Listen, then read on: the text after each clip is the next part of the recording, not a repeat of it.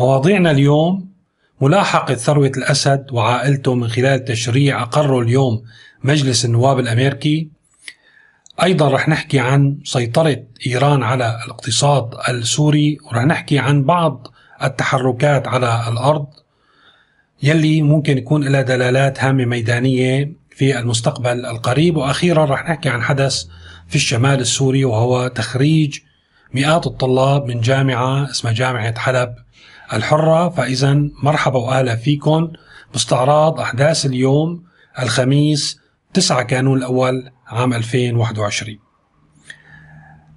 اليوم طبعا انتشر خبر يقول بأنه مجلس النواب الأمريكي أقر قانون الكشف عن مصدر ثروة الرئيس السوري بشار الأسد وعائلته وكذلك الدائرة المقربة منه. طبعا آه، القوانين في في أمريكا يعني آه، إجراءات محددة ممكن تصدر بشكل جماعي مثل ما كنا يعني بالماضي عم يعني نلاحق قانون قيصر وصدر ضمن حزمة من القوانين بيصدروا حزمة من القوانين وما بيكفي مجلس النواب يقررون لازم كمان مجلس الشيوخ فاذا لنوضح اليوم التوافق على القانون من مجلس النواب لسه بحاجة لموافقة مجلس الشيوخ. شو هو القانون؟ القانون بحسب صيغته النهائية بيقول بيطلب من الوكالات الفيدرالية الأمريكية بأنه يعدوا تقرير من خلال وزارة الخارجية عن صافي ثروة الرئيس السوري بشار الأسد وأفراد أسرته بما في ذلك الزوجه والأطفال والأشقاء وكذلك أبناء عمومتهم من الأب والأم.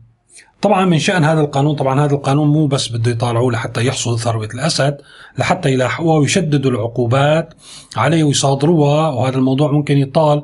نحن شفنا من فترة أنه كيف في مقطع فيديو انتشر لابنه لرامي مخلوف بأمريكا راكب سيارة يعني فخمة جدا يعني وعم بيعيش حياة باذخة ممكن بعد ما يتم إقرار هذا القانون وتنفيذه يتم ملاحقة يعني أقارب الأسد والأسد شخصيا وعائلته وعائلة الأخرس وكل من آه، يعني يمت لهم بصلة يلاحقوه في كل أنحاء العالم ويمنعوهم ب تصرف بهذه الثروة. هذا من حيث المبدأ. يعني أنا اللي بدي أوضحه أنه موضوع إقرار قانون آه، يعني أو تقرير أو إعداد تقرير عن الثروة هو مو فقط للمعلومات ولكن لتجديد العقوبات على عائلة الأسد.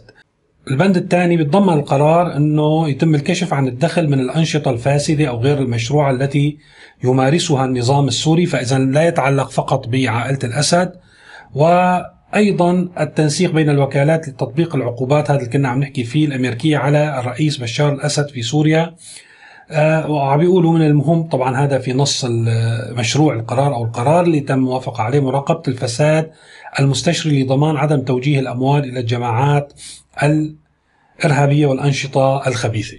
هلا في موضوع ثاني آه بتناوله القانون أو حزمه القوانين يلي آه وافق عليها مجلس النواب آه بتتعلق بسوريا يجب خلال 90 يوم التقدم إلى لجان الكونغرس المناسبة تقريرا يحتوي على وصف للاستراتيجية الأمريكية عن الدفاع والدبلوماسية تجاه سوريا. وأيضا هذا مهم يعني ما بعرف إذا ما كان في استراتيجية واضحة أشك في ذلك. ولكن هذا الموضوع بيطلب على وصف استراتيجية أمريكية عن الدفاع والدبلوماسية تجاه سوريا طبعا بما يخص المصالح الأمريكية لحتى ما نكون يعني مخشوشين.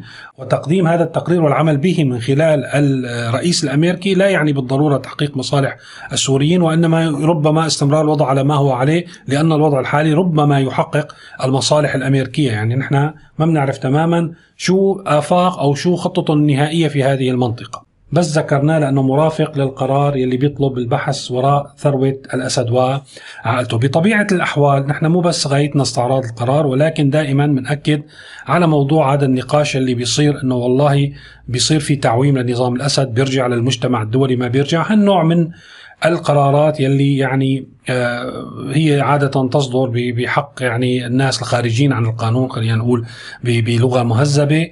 وأيضا مثلا العقوبات اللي تم فرضها كمان من كام يوم فيكم تقروا على موقع سيريا نيوز على بعض الشخصيات المرتبطة والضباط المرتبطين بالنظام. وأيضا العقوبات التي فرضها الاتحاد الأوروبي على الوزراء الجدد في الحكومة السورية.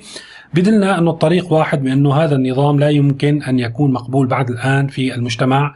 الدولي لذلك دائما ندعو إلى إنجاز تغيير سياسي لحتى نرجع نحط سوريا على خارطة الدول يعني في العالم ويكون عندنا فرصة لننتهي من هالكارثة يلي عم نعيش فيها. الموضوع الثاني اللي بدنا نحكي فيه هو العملية اللي عم يصير فيها رهن الاقتصاد السوري أو بيع الاقتصاد السوري سميته أنا بتسجيل سابق. ما راح أحكي كثير لأن فيكم تشوفوا التسجيل يعني هو عبارة عن سبع دقائق عن يعني آلية سيطرة إيران على الاقتصاد السوري. عم يستغلوا حاجة التجار الناس المتعثرين الناس اللي معاملهم مدمرة عم يجوا الوفود الإيرانية ويوقعوا معهم عقود شراكة أو شراء ربما لحتى يسيطروا على القطاعات الحيوية وحتى عم يربطوا كل الأمور مثلا من الطاقة على سبيل المثال من التمويل من النقل بإيدهم من خلال إقامة شركات إيرانية لا تسيطر عليها الحكومة السورية. شوفوا التسجيل لأن فيه معلومات كافية عن الموضوع. الموضوع التالي اللي بدي أنتقل له الحقيقة هو شيء بيتعلق بالميدان. ممكن ما نوصل لاستنتاجات نهائية منه. منا أنه أول مرة بيصير انتقال لعربات ثقيلة من الشمال إلى حدود نهر الفرات إلى منطقة حقل العمر يلي هو اللي بيعرف حقل العمر هو مباشرة بجانب نهر الفرات والطرف الثاني منه في القوات الإيرانية أو النفوذ الإيراني. يعني دائما هذا التواجد بين يعني على على ضفتي النهر كان لي آه، عناصر تحمل أسلحة متوسطة وخفيفة ولكن أول مرة يشاهد عربات مصفحة أمريكية ثقيلة تنتقل إلى تلك المنطقة وتجول في تلك المنطقة فكان هذا حدث ما ممكن نوصل لاستنتاجات نهائية مثل ما قلت ولكن لازم لازم نحطه تحت المراقبة ونشوف شو التطورات مع الأيام. الأمر الثاني الحقيقة اللي هو مقلق والتوتر الأمني يلي في درعا توتر متصاعد نتيجة حوادث أمنية متتالية ممكن تكون مدبرة. نتذكر نحن كيف صار في حصار درعا وبعدين صار في عملية مصالحة وتسليم للأسلحة. على ما يبدو هذا الوضع المستقر لا يناسب مصالح البعض فراح يأججوا الصراع في في تلك المنطقة. ونحن بنتأمل ما يصير هذا السيناريو. بنتأمل إنه الناس تضل على وضعها الحالي مهما كان سيء. تضل ببيوتها بأرضها ما بدنا أي صراع أو اشتباكات أو حرب تصير في تلك المنطقة وتؤدي إلى هجرة الناس. لأن مرة ثانية هجرة الناس من أراضيها وبيوتها هو أسوأ ما يمكن أن يحدث للسوريين في هذه المرحلة. كمان هذا الموضوع رح نحطه تحت اللحظ وراح أحكي عليه أكثر بنشرة الموجهة للأعضاء. مو لشيء لأن ما بيسمح لنا اليوتيوب نحكي عن هالمواضيع بإسهاب ومن خلال الصور ومن خلال يعني التفاصيل وبتسجيلات علي الإعلانات. فلذلك أنا راح أنشر بعض المعلومات الإضافية بسيطة. يعني هذا هو المهم بالعموم. وممكن تقروا طبعا تفاصيل على موقع سيريا نيوز موجودة. ولكن راح أحكي أيضا بنشرة الموجهة للأعضاء وهي مرة ثانية فرصة لحتى أدعوكم للاشتراك.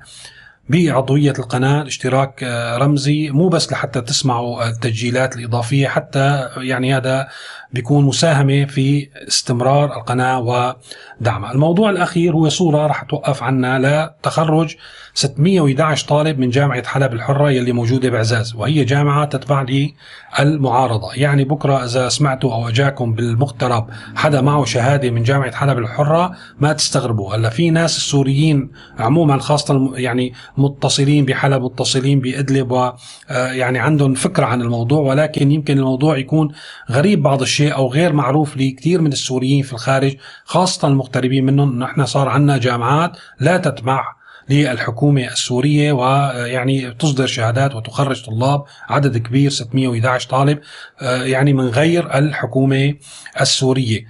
فهذا كل شيء اليوم بدي أقوله. لا تنسوا أنه تتابعوا قناتنا على التليجرام وأيضا صفحتنا على الفيسبوك آه، Syria News فعلناها رح أحط لكم الرابط. وتتابعوا التسجيلات آه، على أيضا الصفحتين صفحتي على فيسبوك. وأيضا فيكم تتابعوا الأخبار على موقع Syria News أول بأول. شكرا لمتابعتكم وإلى اللقاء.